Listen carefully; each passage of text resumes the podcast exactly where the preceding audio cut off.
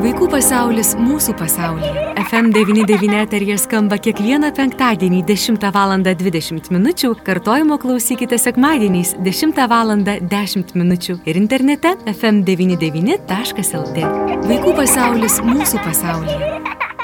Prie laidos finansavimo prisideda spaudos, radio ir televizijos rėmimo fondas. Labadiena, brangus FM99 klausytojai. Studijoje prie mikrofono darbus pradedu aš, Eglina, ką čia darbus malonumą, ar ne? Juk kalbėsime apie vaikus, apie vaikų pasaulį. Na ir šiandieną nežinau, ar kalbant uh, tema, kurią mes vystysime, tikrai labai malonios emocijos apima. Šiandien kalbėsime apie alergijas. Alergija, ko gero, labai yra tam, kuriam galėtų būti malonus momentas, tačiau, kad ir kaip gaila bebūtų, tai yra dažna. Ar labai dažna? Kaip keičiasi situacija, kalbant apie vaikų alergijas, kokios tos alergijos būna, ką galėtume galbūt daryti, kad alergijų nebūtų, na, daugybę klausimų turime ir labai tikiuosi, kad į juos atsakyti mums padės alergologė, klinikinė imunologė, vaikų alergologė Adelė Dimšinė. Labadiena, gerbiama Adelė. Labadiena. Labai malonu Jūs Adelė girdėti ir šiandien tikrai dėkosiu iš anksto, kad sutikote pasidalinti savo žiniomis. Ko gero, nepaslaptis, kad alergija yra, na, toks dažnas, ar galima būtų pavadinti tai sutrikimas ar lyga, kas tai yra alergija? Alergija tai organizmo padidintas reagavimas į vieną iš aplinkos faktorių. O tie aplinkos faktoriai gali būti maistas, gali būti būtiniai alergenai, žiedadulkės, gali būti e, vabžių nuodai, cheminės medžiagos, metalai, nikelis ir panašiai. Žodžiu, mūsų aplinkoje yra aibė, aibė faktorių, kurie gali alergizuoti, bet mūsų organizmas arba jis visai yra nereaguojantis į tuos faktorius, arba kai kuris padidintai reaguoja ir tada pasireiškia vienais ar kitais simptomais. Ir jeigu vaikams, tai žinoma, dažniausiai yra alerginis dermatitas, gali būti atopinis, kada šeimoje yra daugiau sergančių alerginėmis lygomis Gali būti taip pat alerginis sloga alerginė, alerginis konjunktivitas, akių junginių uždegimas, gali būti pasireiškiantis dilgėlinė ir įvairiomis kitokiomis alergijos formomis. Mhm. Gydytoja tiesa, kad e, vieniems alergija atrodytų, na kažkam greit sureaguoja organizmas, greit sualergizuoja, o yra tokių žmonių, kuriems, na, alergijos tokios jos ilgai tęsiasi ir atrodytų niekaip iš to alergijų neišeina žmogus kaip alergiškas, taip alergiškas.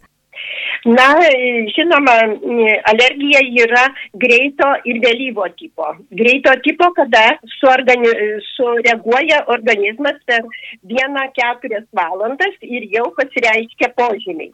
Bet gali būti, kad sureaguoja vėlyvai, tai reiškia, kad tik dviejų parų laikotarpį atsiranda vieni ir kiti simptomai ir tada būna labai sunku įtarti, nuo kokio, tarkim, alergeno atsirado vieni ar kiti e, požymiai.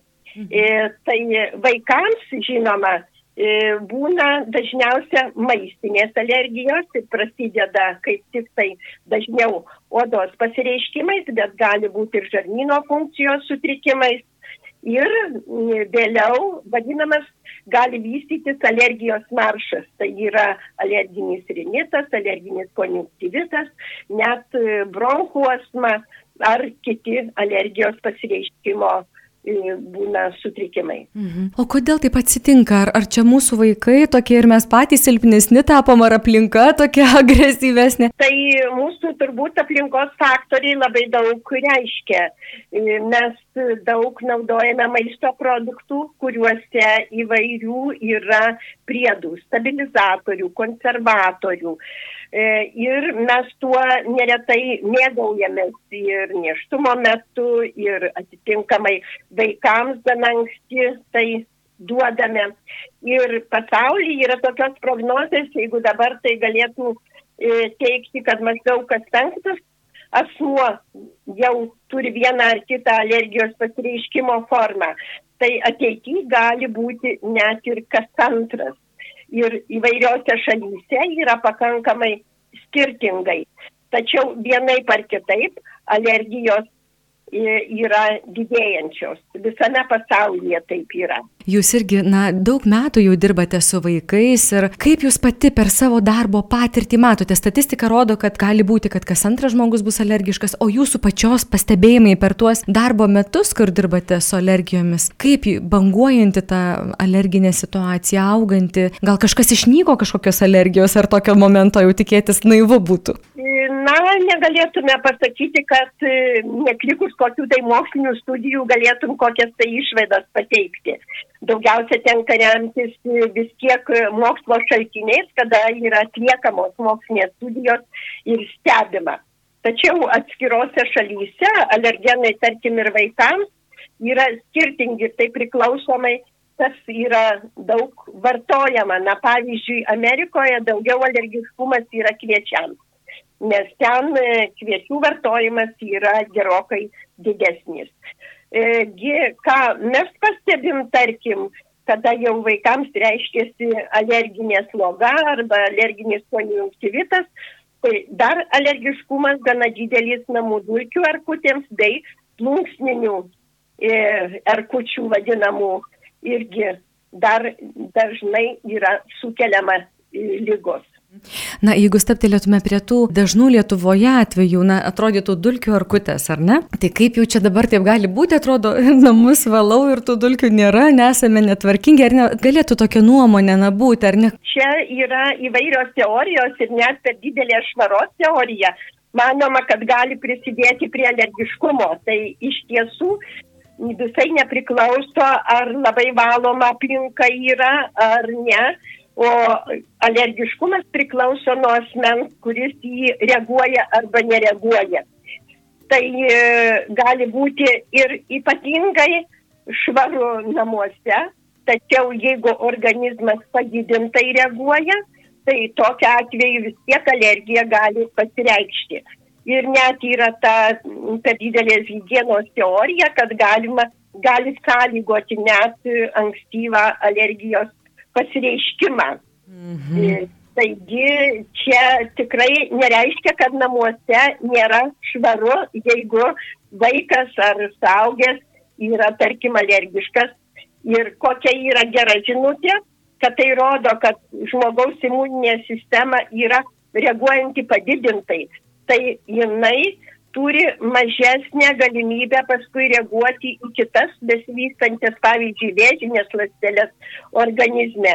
Ir jinai kaip tik tai gali nugalėti jas kai kuriais atvejais. Yra tokių pranešimų, kada sakoma, kad atopiški žmonės, alergiški žmonės, vietiniai susirgymai serga mažiau.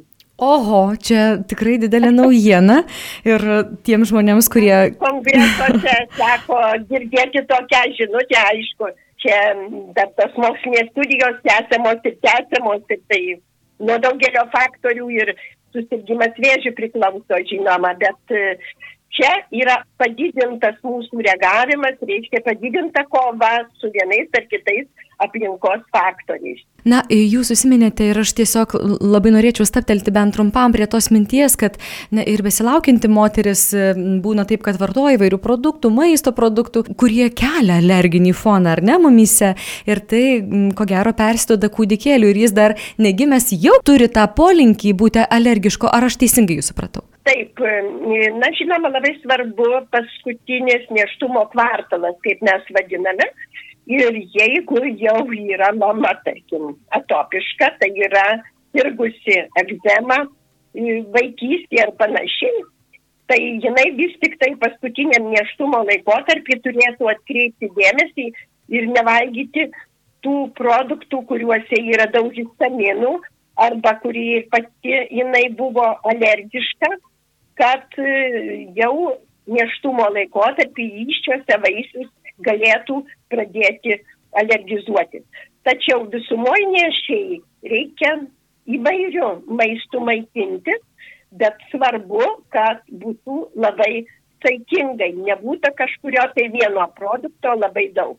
Gydytoja, o kiek tai yra, na, įgimta, atsinešta ir genetiškai, o kiek tai yra įgyta? Na, kad vaikutis net ir mažas jau jis alergiškas, o paskui auga, auga, dar pakalbėsime apie tai, ar įmanoma išaukti, bet dabar gal steptelkim ties tą temą. Kiek tai įgimto, kiek tai įgyta? Žinoma, jeigu abu tėvai sirgia yra topinė egzema, tai vaikų jau maždaug 50 procentų vis tiek didesnė tikimybė yra, kad ir jam pasireikš alerginė lyga ir tas pats, tarkim, atopinis dermatitas.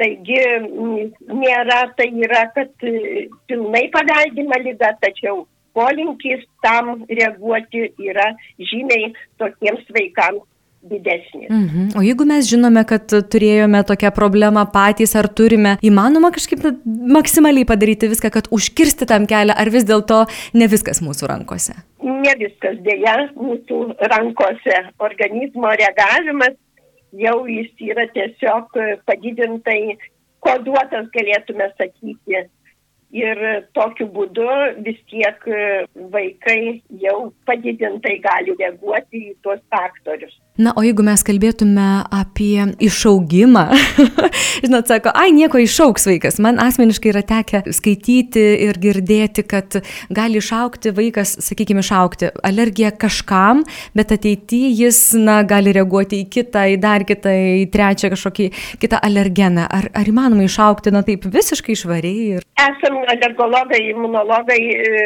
liudininkai didelį dažnai išaugimo vadinamų faktorių tai yra 3-5 metų amžyje, jeigu ir nuo mažens buvo sirgta atopiniu dermatitu arba kita maistinė alergija, tai tokiu būdu 3-5 metų didelė tikimybė, kai išauks. Ką tai reiškia? Tai atminties lastelės, kurios padidintai vis reaguoja, jos praranda po truputį atmintį ir tokiu būdu, kaip sakoma, vaikas išauga. Na pavyzdžiui, alergija karvės pienui arba kazeinui, alfa-laktat globulinui. Atitinkamai, nevartojant to produkto, 4-6 mėnesius, kartais metus laiko, jau tos atminties lastelės silpsta ir atitinkamai jos jau nustoja reaguoti į tą faktorių jau mes kada turėjome patirtį dabar daug informacijos dėl COVID, tai norėjom, kad tos atminties lastelės mūsų laikytųsi ir mes visiems laikam liktume uh, atsparus, tarkim, kad tie antikūniai vis sureaguotų į COVID ir nesusirgtume. Alergijos atveju silpsta atminties lastelės ir yra gerai tada jau alergija nebepasireiškia į tą faktorių, į kurį buvo reaguota anksčiau. Mhm, neprotingas tas mūsų organizmas, nieko čia nepridėsi, netimsi, ar ne? Kelinis vadinamas imunitetas čia. Gydytoja, ar gali būti tokių alergijų, kurių žmogus, na, išreikštai nejaučia? Na, atopinis dermatitas tai jau vis tiek, tu matai, jau tai yra m, akivaizdu ir, ir diskomfortas didelis, bet tokios alergijos, kur kažkaip nėra tokio akivaizdaus, bet iš tiesų žmogus alergiškas ir pasireiškia, na, gal kokiu pilvo pūtimu, pavyzdžiui, nežinau, aš spėlioju tiesiog kur kitur visai tai, nukreipi žvilgsnį. Alergijos e, pasireiškimo formų yra įvairiausių ir tai gali būti e, tikrai ne vien tik tai odos bėrimai, gali būti virškinimo funkcijos sutrikimas, gali būti net išmatose kraujo, gali būti migrena. Tai e, dažnai būna nelengva susijęti, kad tai susijęta su vienu ar kitu vartojamu, tarkim, produktu. Taip, kad alergijų pasireiškimo formų yra begalybė, tačiau kad visai nejaustų simptomų, na tai taip nelabai galėtų būti, vis tiek jie vienais ar kitais simptomais pasireiškia. Mhm, tai tiesiog uh, domėtis žiūrėti, ar ne, kad... Nežulys, galbūt mhm. tik tai taip. O yra tokių alergijų, kurias, na sakykime, jeigu maisto kažkokiam produktui minėjote, galima išimti ir paskui gal vėl po truputį sugrįžti ar ne po kažkokio ilgo laiko, kai jau atminties lastelių nėra. O yra tokių dalykų, kuriems žmogus, jeigu jau alergiškas, tai viskas, jau visam gyvenimui.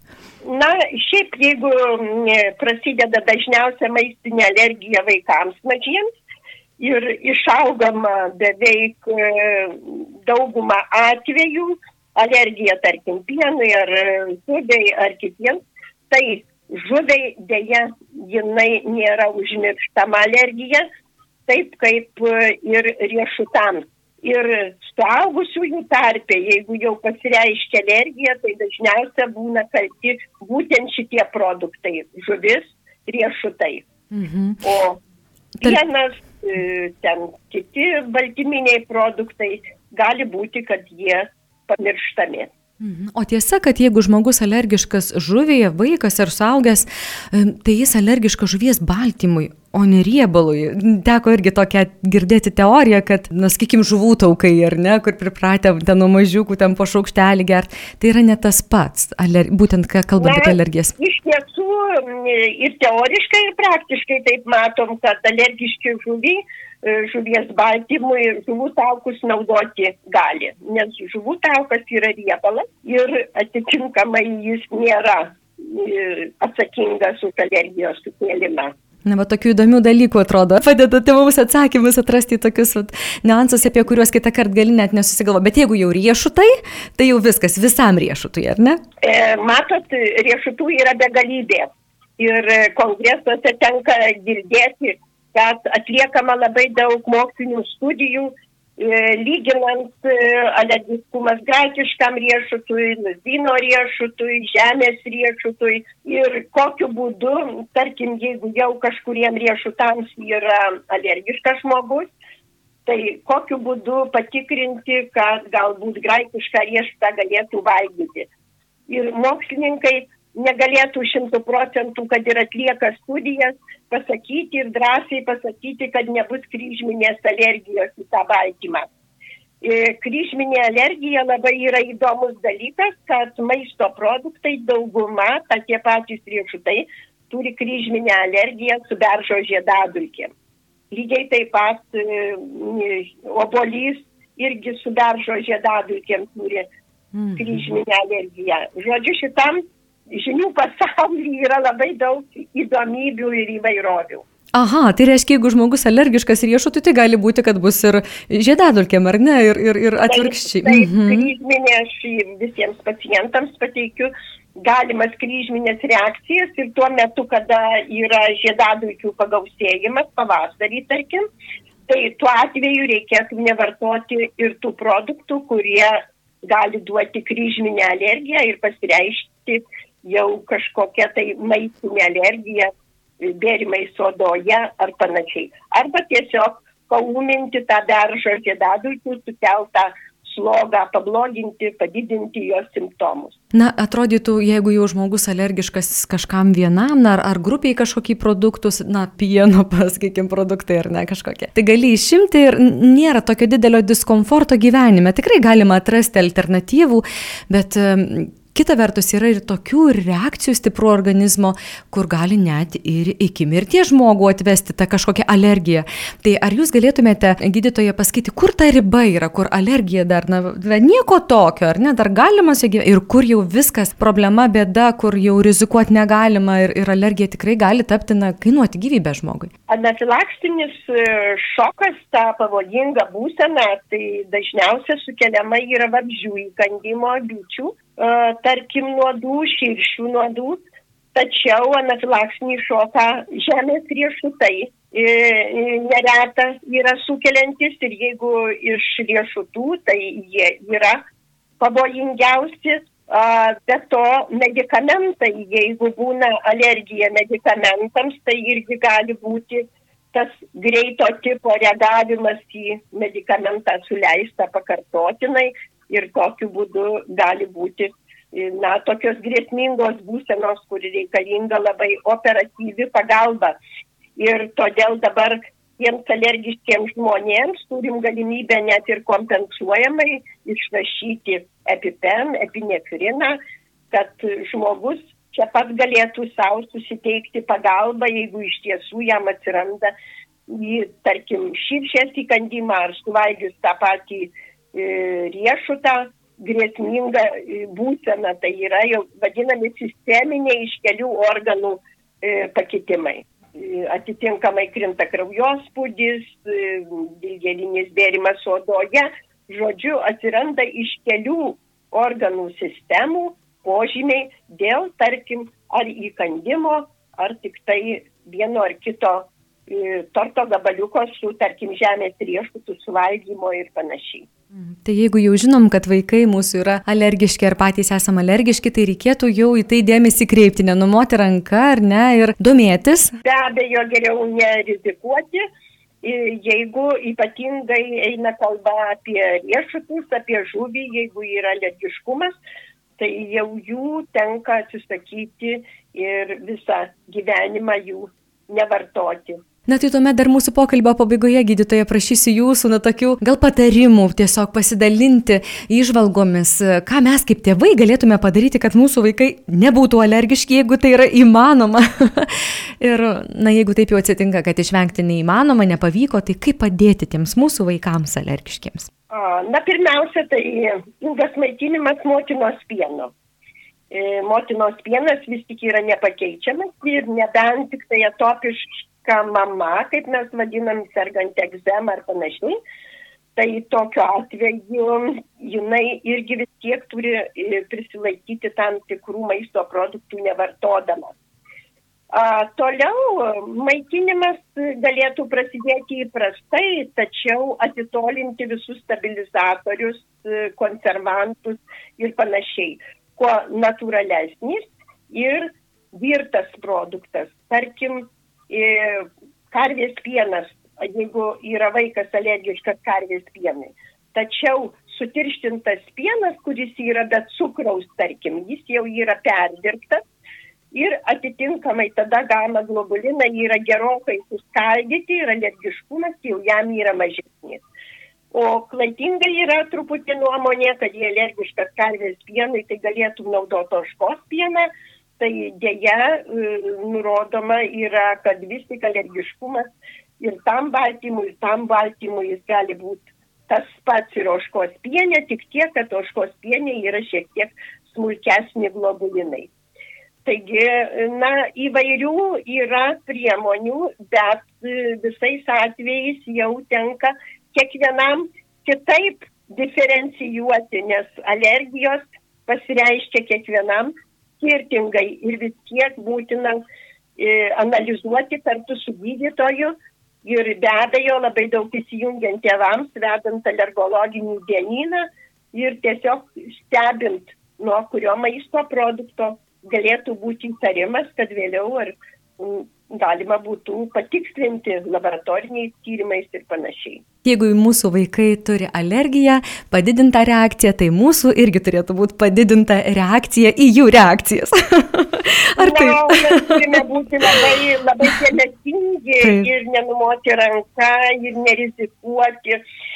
Daugeliu atveju ir tarkim yra vadinamas tas peroralinis e, mėginys, tai yra nedidelis kiekis duoti maisto produkto, bet e, jau tai padaryti reikia labai pagal taisyklės, tik rytiniam valandom, tik atitinkamai mažais kiekiais. Na, žodžiu, e, daug tėvų pastangų visada reikalinga. Mhm.